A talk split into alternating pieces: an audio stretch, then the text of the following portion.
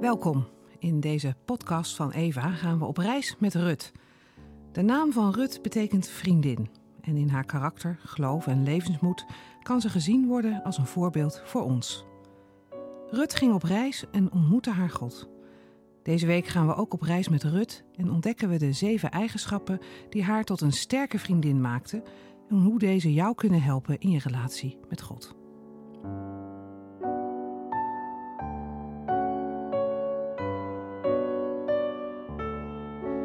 Dag 3. Afhankelijk. We beginnen de overdenking met een bewust moment van stilte. Probeer je gedachten stop te zetten en richt je aandacht op God. Neem tijd om Hem te begroeten. Vraag aan God of Hij jou nieuwe inzichten wil geven door het verhaal van Rut.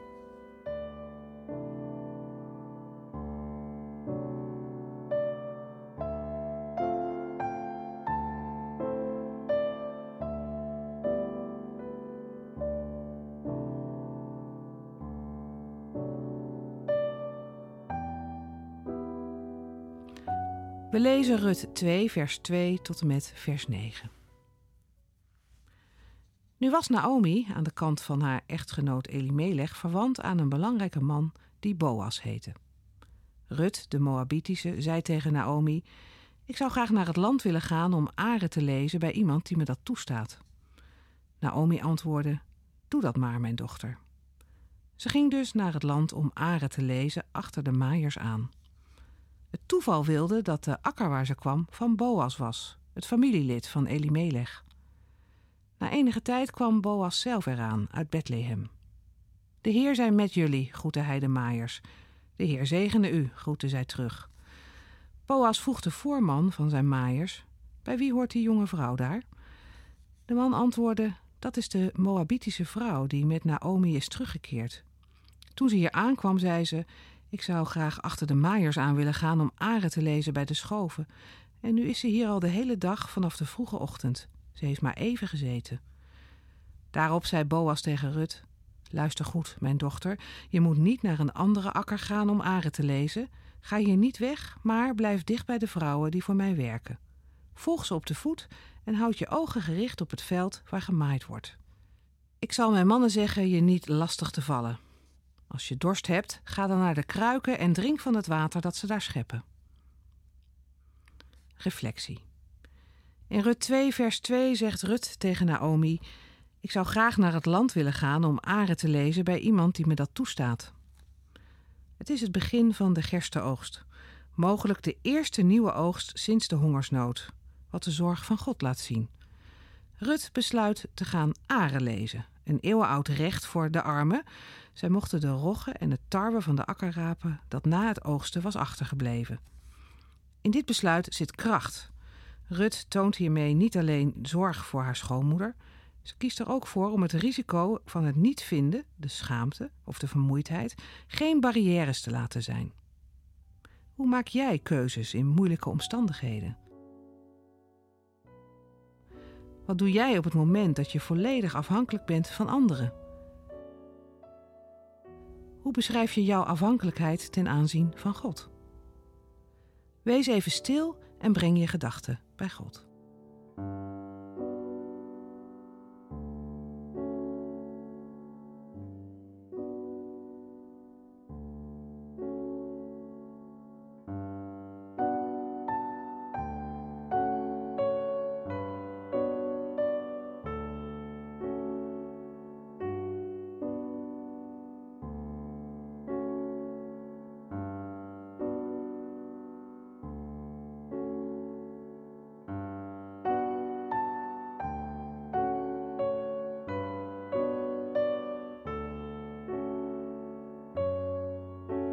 In Rut 2, vers 8 zegt Boas tegen Rut: Luister goed, mijn dochter, je moet niet naar een andere akker gaan om aren te lezen.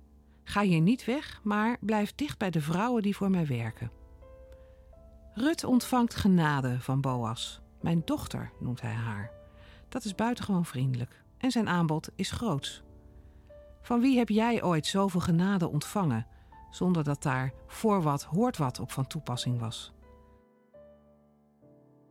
Hoe ruimhartig ben je zelf? hoe ruimhartig ervaar je God? Wees even stil en breng je gedachten bij God.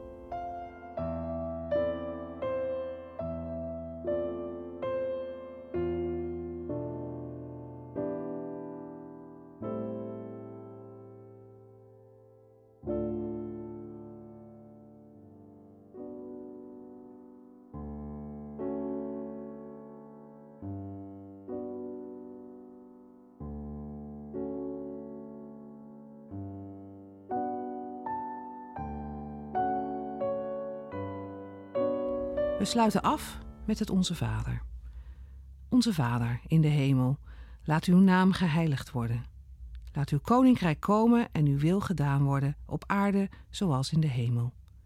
Geef ons vandaag het brood dat wij nodig hebben. Vergeef ons onze schulden, zoals ook wij hebben vergeven wie ons iets schuldig was. En breng ons niet in beproeving, maar red ons uit de greep van het kwaad. Want aan u behoort het koningschap, de macht en de majesteit tot in eeuwigheid. Amen.